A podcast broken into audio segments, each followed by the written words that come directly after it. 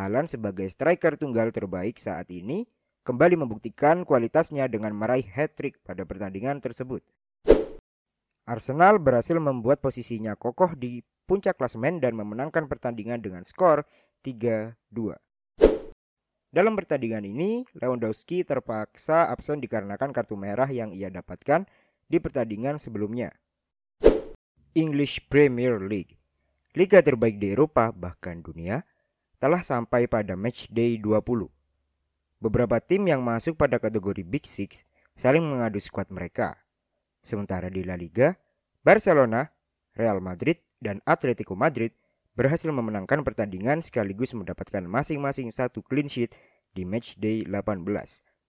Gimana sih keseruannya?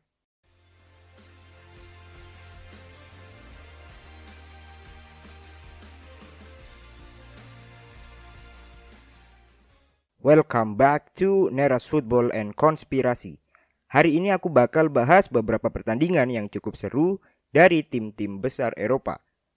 Tanpa panjang lebar, langsung kita masuk ke pembahasannya. Liverpool versus Chelsea.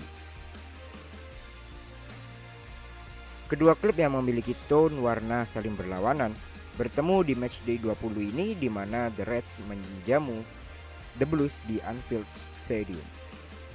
Chelsea dengan keberaniannya memainkan banyak pemain muda mulai dari awal pertandingan.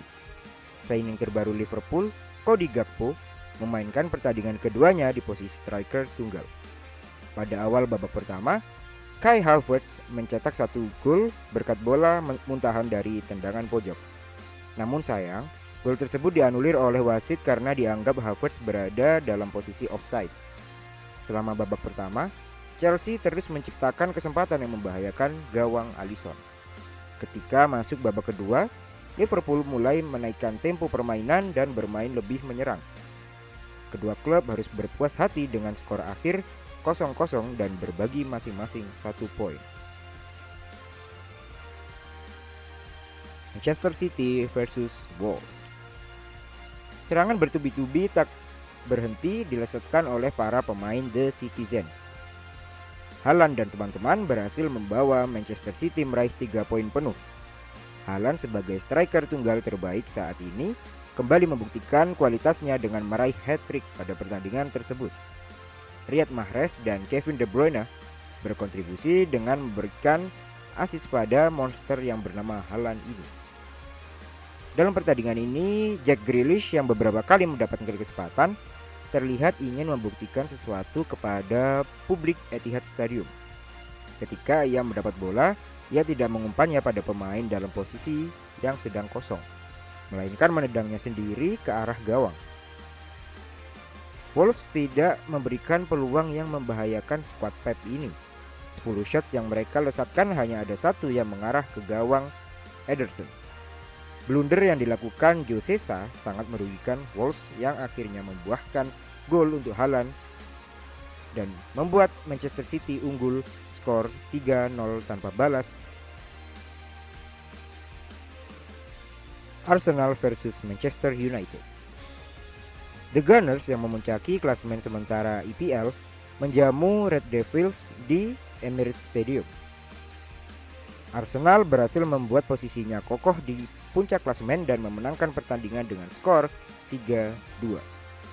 Sepanjang 90 menit, Arsenal lebih menguasai pertandingan dengan 58% possession dan jumlah passing yang jauh lebih banyak dari MU. Setan Merah berhasil memimpin pertandingan terlebih dahulu berkat gol dari luar kotak penalti yang dilesatkan oleh Rashford. 7 menit setelah gol tersebut, Edin Ketia berhasil menyamakan kedudukan dengan tandukannya. Pada menit 53, Saka membuat Arsenal unggul 2-1 berkat tendangannya yang sangat keras dari luar kotak penalti. Pada menit 59, Lisandro Martinez memanfaatkan momentum dengan baik dan berhasil mencetak satu gol dengan tandukannya. Edin Kentia berhasil membawa Gunners meraih 3 poin dengan golnya di menit akhir pertandingan.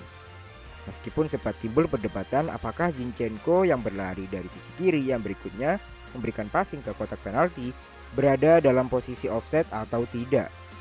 Wasit tetap mengesahkan gol Nketiah tersebut. Kita beralih ke Liga Spanyol yaitu La Liga, Atletico Madrid versus Real Valladolid. Klub asuhan Diego Simeone berhasil memenangkan pertandingan melawan Real Valladolid dengan skor 3-0. Tiga gol tersebut tercipta kurang lebih hanya dalam kurun waktu 10 menit. Gol pertama yang diciptakan Alvaro Morata merupakan asis back heel dari Antoine Griezmann. Back kanan dengan usia muda yang menyandang status juara dunia dalam Piala Dunia 2022 kemarin, yaitu Molina, berhasil memberikan asis ke Griezmann yang membuat Atletico unggul 2-0. Di menit 28, Griezmann memberikan asis keduanya pada skema tendangan bebas dan berhasil dimanfaatkan dengan baik oleh Mario Hermoso. Skor 3-0 tak berubah hingga babak kedua berakhir dan membuat Roji Blancos meraih 3 poin penuh. Athletic Club versus Real Madrid. Athletic Club menjamu tim berjuluk Los Blancos dan menunjukkan permainannya yang cukup apik. Athletic Club dapat memberikan perlawanan kepada Real Madrid meskipun mereka tetap kalah di kandang sendiri dengan skor 0-2. Benzema dan Cruz yang semakin menua justru mencetak gol yang membawa Real Madrid memenangkan pertandingan ini.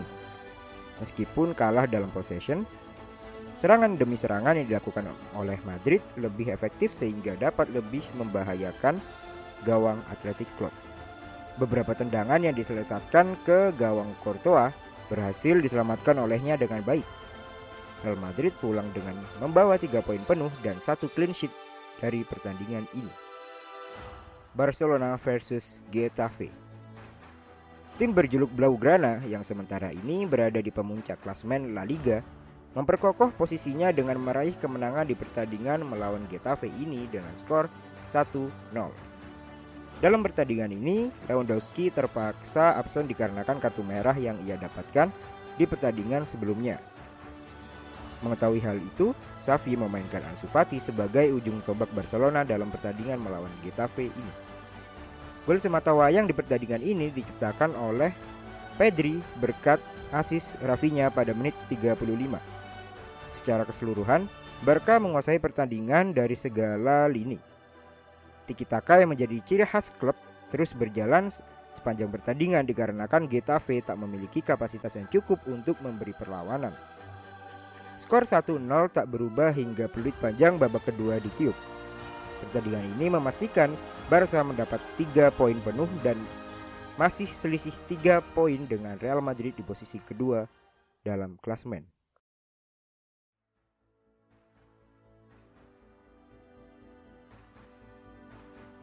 Sekian dari aku untuk episode kali ini. Jangan lupa untuk selalu dengerin Neras Football and Konspirasi di berbagai aplikasi streaming podcast favorit kalian. Aku pamit undur diri, terima kasih dan sampai jumpa.